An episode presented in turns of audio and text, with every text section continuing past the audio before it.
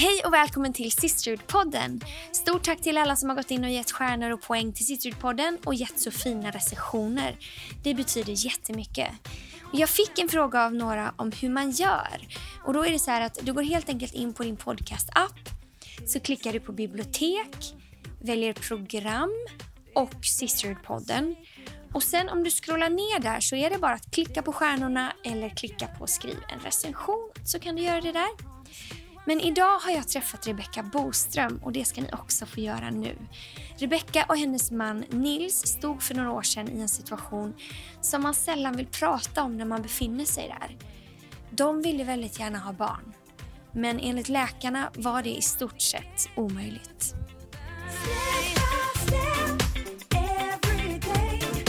Idag är jag hemma hos Rebecka Boström. Välkommen till Sisterhood-podden. Tack så mycket. Var drog du ditt första andetag någonstans? I Småland. Åh, Västerås. Nej, Västervik menar jag. Västerås? ja, det ligger i Småland va? Nej, men Västervik? Västervik. Ja. Bodde du där länge sen? Eh, tills jag var sju flyttade Ja. jag till Uppsala. Ja. Så man kan ju inte se att jag är smålänning. ja. ja. Eh, vad gör dig glad? Tid med familjen och vänner gör mig glad. Vad, när blev du senast arg då? Oj. Igår. jag tror det var på Frank. Eller kan det ha varit på Nils. Eh, Vem är Frank och vem är Nils? Ja, Frank är, Frank är min son på två år och Nils är min man. Så någon av dem tror jag var... Alltså jag kommer inte ihåg. Men jag kommer ihåg att jag var arg igår. Mm, men det har gått över till idag. Ja, ja. Det gick över fort. Eh, vad ville du bli när du blev stor? När du var liten? Kommer du ihåg det? Ja, jag ville bli bonde. Underbart! Nej, jag vet inte varför jag ens... Men jag har sagt det till mamma, så jag vill bli bonde. Och nu skulle jag kunna tänka mig att bli bonde om man tänker på Mannemans trädgård. Ja, Då det bara, är ju superinne nu. Ja. kunna odla sina egna råvaror. Ja, jag tycker också Ja. det skulle vara. Men vad blev du då? Alltså vad är jag? Jag är ekonom, jobbar med ekonomi på bank som rådgivare. Och sen är jag på kvällar och helger fotograf. Eh, jobbar med olika projekt och stylingar och sådär. Kreativt. Så det är en väldig blandning. Mm. Vem är det vi hör i bakgrunden? Det är en, miss en missnöjd Meja som är jättetrött. det blir bra. Det är bara mysigt att höra henne. Hon stör inte, men vi skulle ju bli glada om hon är glad. Det vore- vore skönt att ha jättemycket skrik kanske.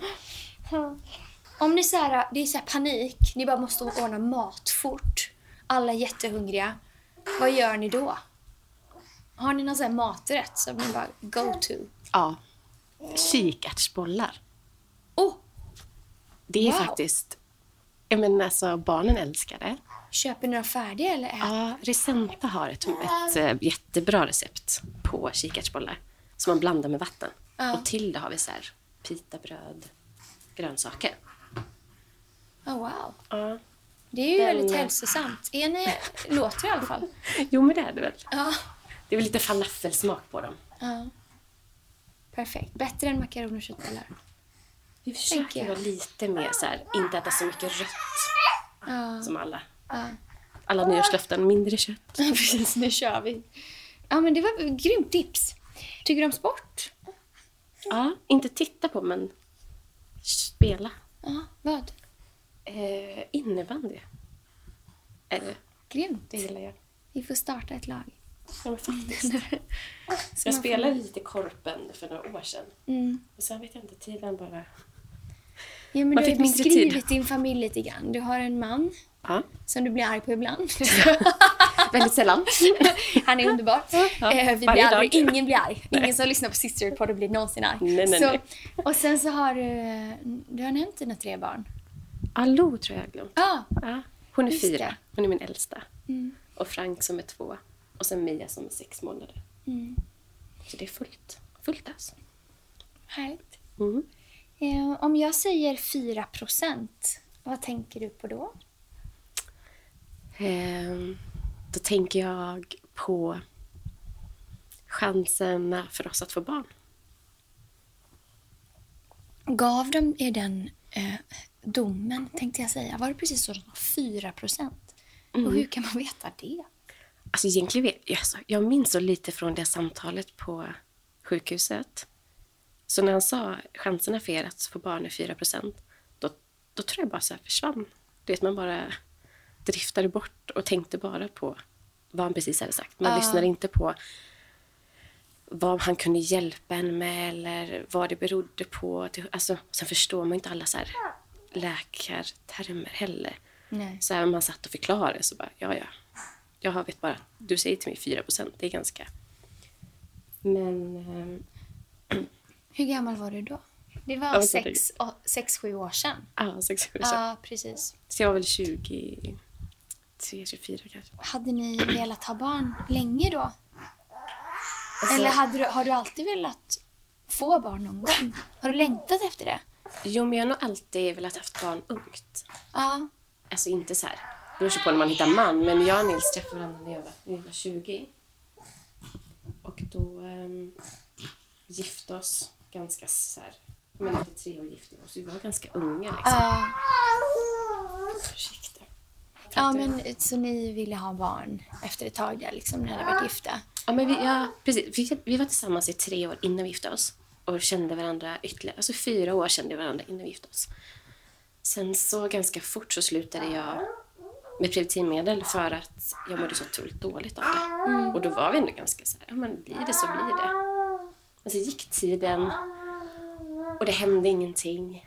Och sen när vi kom hem från att vi har bott utomlands så det var först då vi började tänka på det mer och mer. Liksom att, Att ni ville ha barn eller att ni undrade varför? Att vi undrade varför det inte gick eller Ja. varför det inte hade hänt Ja. något. Så det var egentligen, sen tog det ytterligare några månader innan vi kollade upp det. Så under sommaren, vi kom hem i januari och på sommaren så började vi ta tester och prover och sådär. Mm. Och beslutet fick vi, beskedet fick vi i september 2011. Ja. Gick ni till vårdcentralen först då? Eller vad gör man? Nej, vi gick nog faktiskt direkt till den här specialistavdelningen på Akis. Ja. Eh, faktiskt. ja, men man kan ju googla sig fram till allting nu. Ja, men hitta vart man ska. Och så ringer man 1177 så blir man kopplad Ja, överallt. just det. Så då satt ni där eh, och sen så sa den här läkaren det är 4% chans att ni kan få barn. Mm. Tack och hej. Eller... Sköt er själva. Klara här själva. och sen gick ni hem, eller? Nej, han gav väl oss lite så tips på vad som kunde vara nästa steg. Mm. Eh, och det var lite tabletter man skulle äta, vet jag. Som kanske skulle göra att eh, ägglossningen hos mig kom igång, typ sådär. Eh, så vi, visst fick man så här lite skjuts av läkarna, eller de, de kunde inte säga att det var... De kunde göra så gott de kunde. Det var liksom ingen garanti för att det skulle hjälpa. Men det fanns väl också någon procentsats där hur stor, hur stor procent som blir gravid efter att de har gett till. Liksom, eller efter. Ja. Men du sa att du skulle ta tabletter för... Ja. Var det dig det be- berodde på, om man säger? Var det det de sa? Liksom? Ja, eller jag har nog Eller alltid din känt kropp? att... Eller? Ja, det, det är fel på mig faktiskt.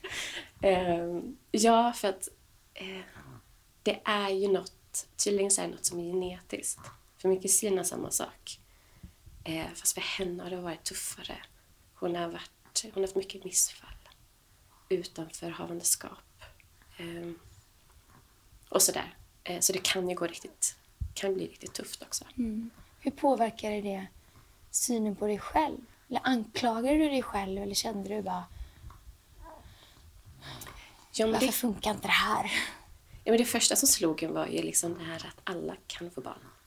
Och det tror jag många tänker när de får beskedet att man är, lider av att man är infertil.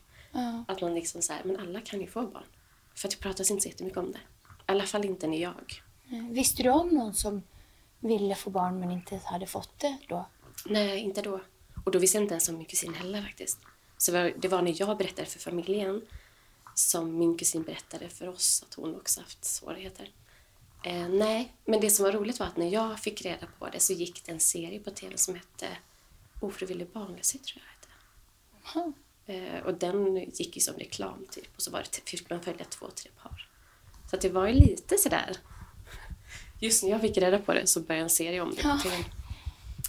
Ehm, Jo, men det kände man någonstans här att alla kan få barn och du kan inte få barn. Eh, och så man känner sig ganska okvinnlig på något sätt. För det är någonting som... Det är en stor grej att vara gravid och känna hur någonting växer inom en och hur man känner de sparkar och hickar och vad det nu... Ja. Och så vet man så här, det där kanske jag aldrig får uppleva. Plus att man kanske kände så här... Nille köpte grisen i säcken. Nej, men lite så här att... Ja, stackars Nils. Ja, Ja. du får returrätt om du, Ja. om du känner för det. För det är ändå en ganska stor grej att få barn tillsammans med den man älskar. Liksom. Mm. Jo, självklart. Så det, det tog lite på, på ens självbild. Det gjorde det.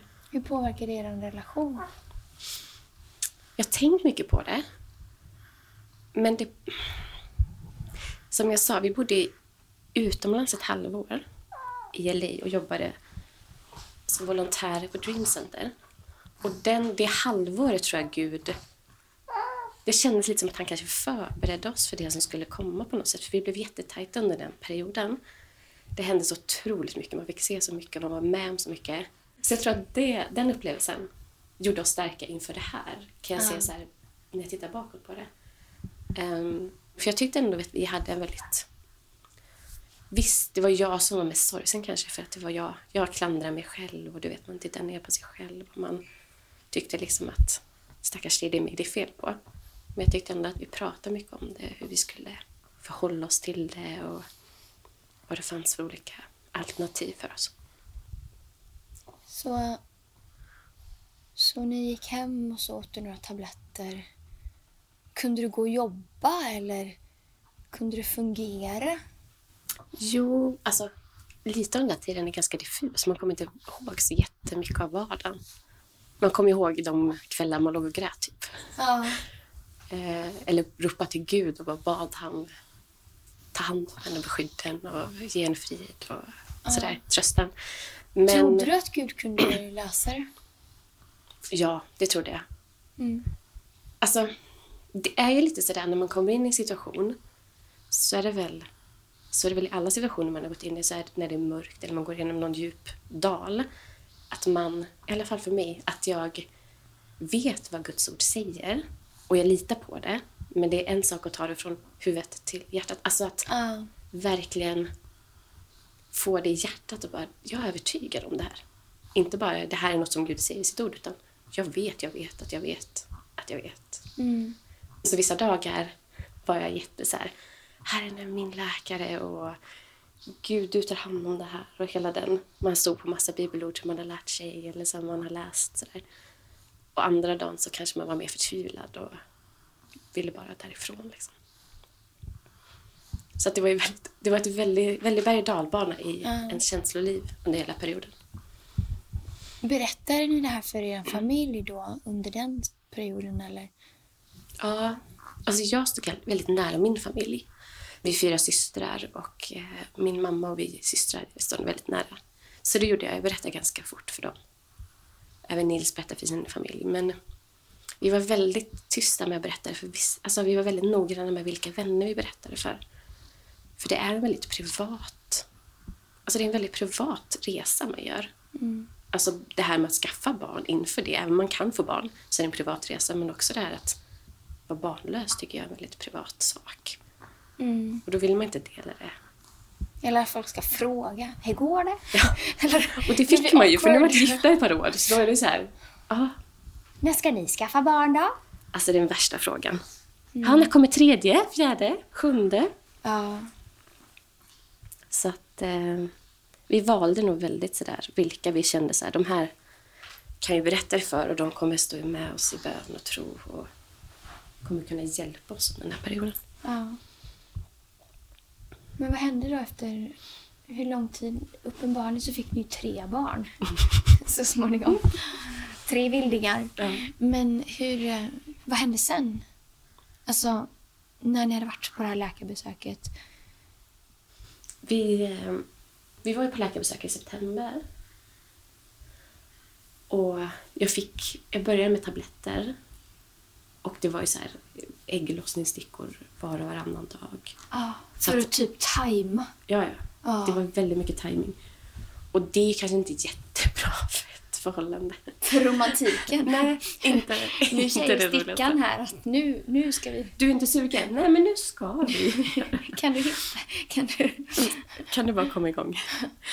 Eh, men det blir väldigt jobbigt. Alltså, där Ja. kanske det var tärande. Okej, vi ska göra det här på liksom start och sen stopp. Alltså, vi hade liksom några timmar eller någon dag att förhålla oss till. Ja. Så man levde ju väldigt mycket efter den här stickan i början. Eh, så jag började faktiskt äta tabletterna eh, och sen körde vi med sticka. Det var det vi gjorde faktiskt. Sen slutade jag med tabletterna.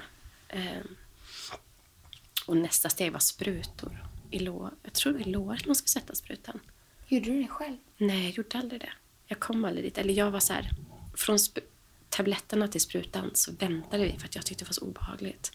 Jag gillar inte sprutor alls och då gör jag det själv. Fint. Hemma. Nej, jag, nej. det var lite så här jobbig, jobbig grej liksom.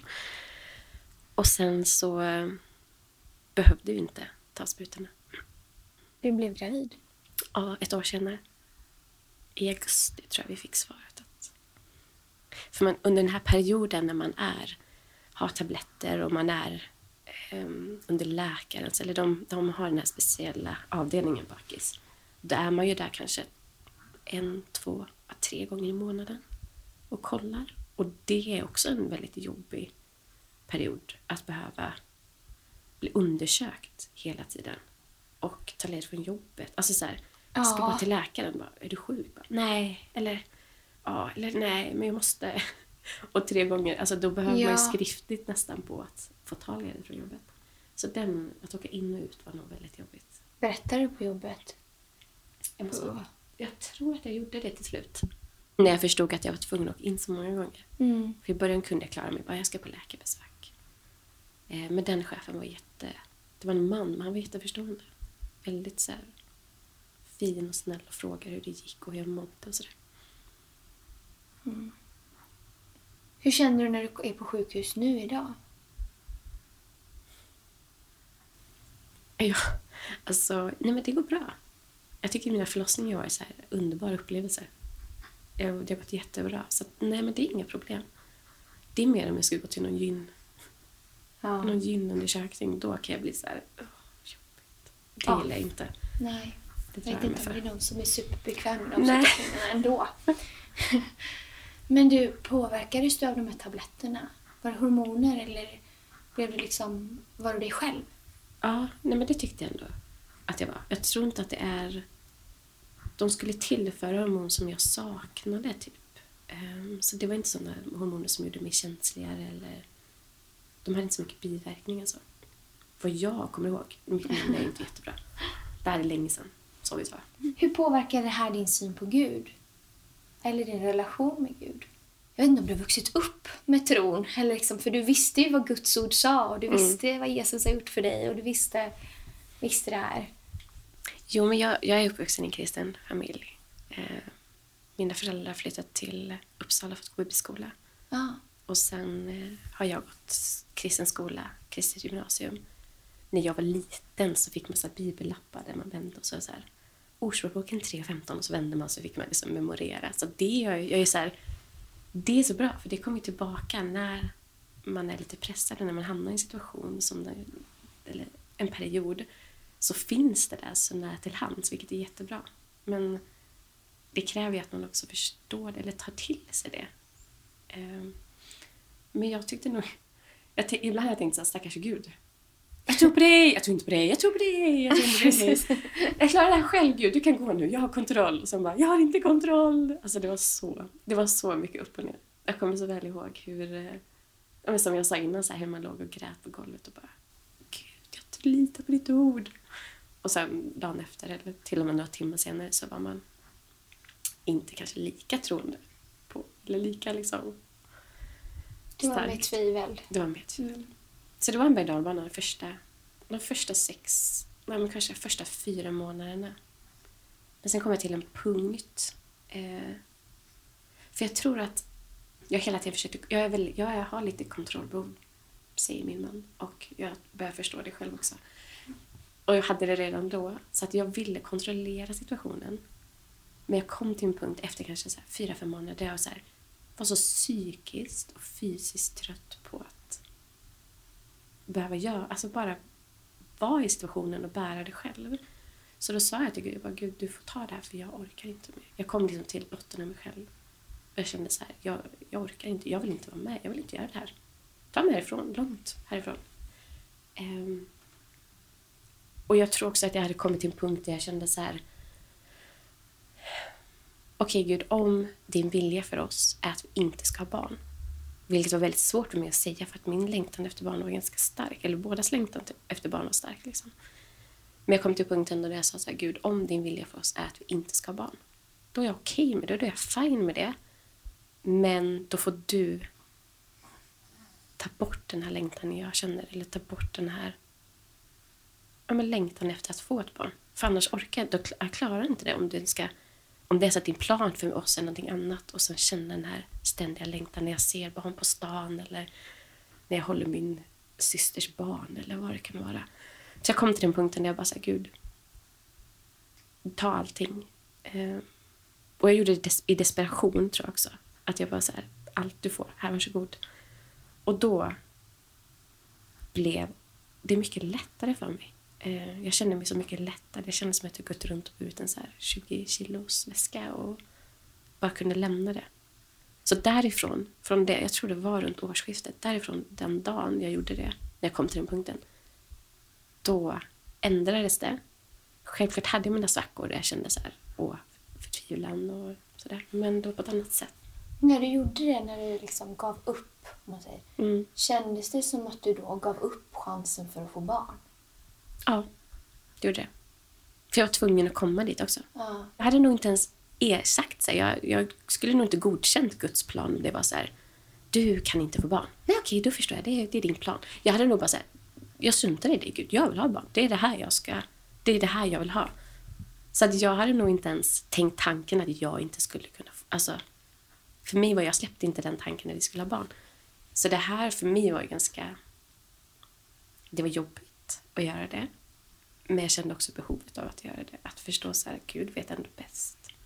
För jag tänkte väl någonstans att jag kanske visste lite också. Ja, men man gör ju det.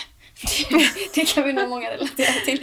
Man försöker liksom hjälpa till och man försöker hålla fast. Och man försöker... Putta till lite här. Ja. Precis, putta den här stenen framåt. Gud, nu hjälper jag till här. men då visade det sig också att han hade ju koll. Mm. Att han liksom...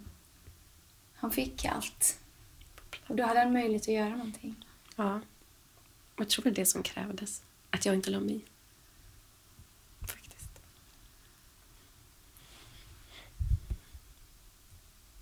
Om du skulle ge ett råd till eh, andra som går igenom, som är liksom i den säsongen, att de vill ha barn, men av någon anledning så går det inte.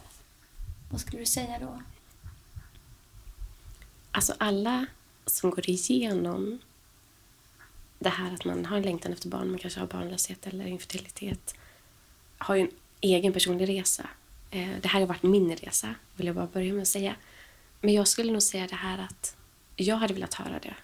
Ehm, att försök att inte låta det sluka dig.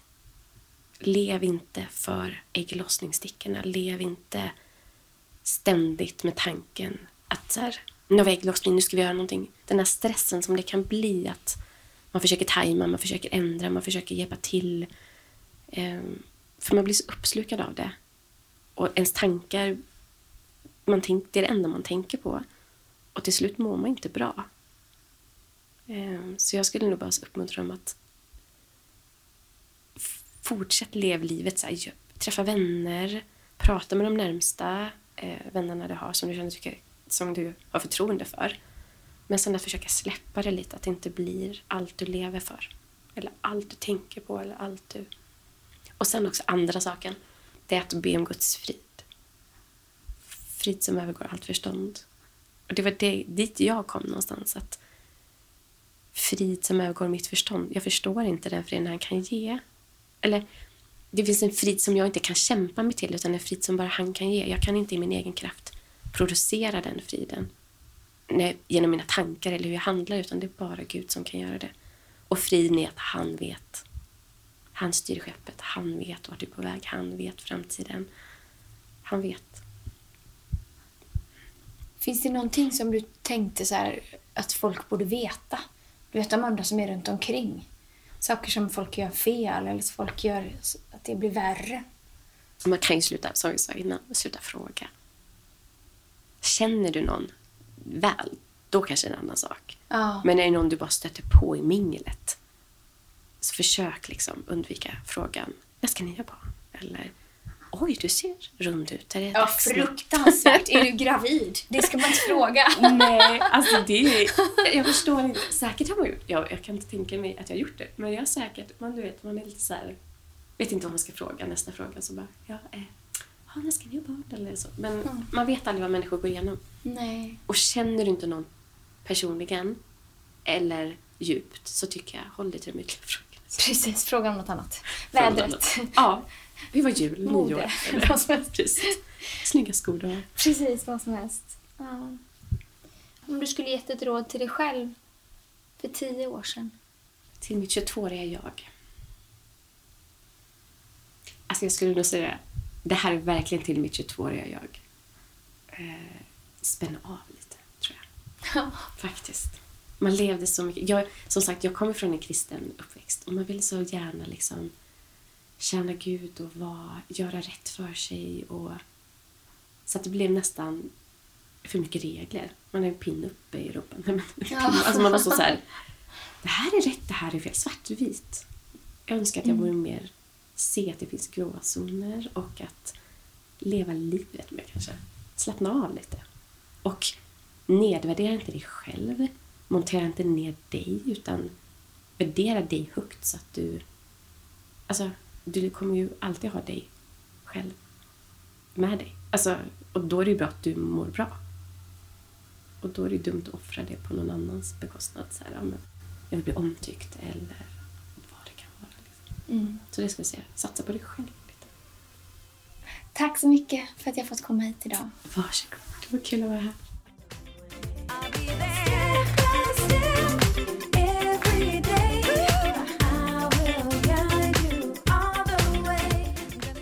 Ibland tror man att man är helt ensam om en svår situation man går igenom. Men det är väldigt sällan så. Det kan hända att din arbetskamrat eller klasskompis går igenom exakt samma sak. Det är bara det att du inte vet om det för att det är så svårt att prata om. Vi tror att vi är ensamma. Men om du delar med dig av dina utmaningar så kan du kanske hjälpa andra. Och Rebeckas berättelse är i alla fall ännu ett exempel på att saker kan se helt omöjliga ut för människor. Men för Gud är allting möjligt.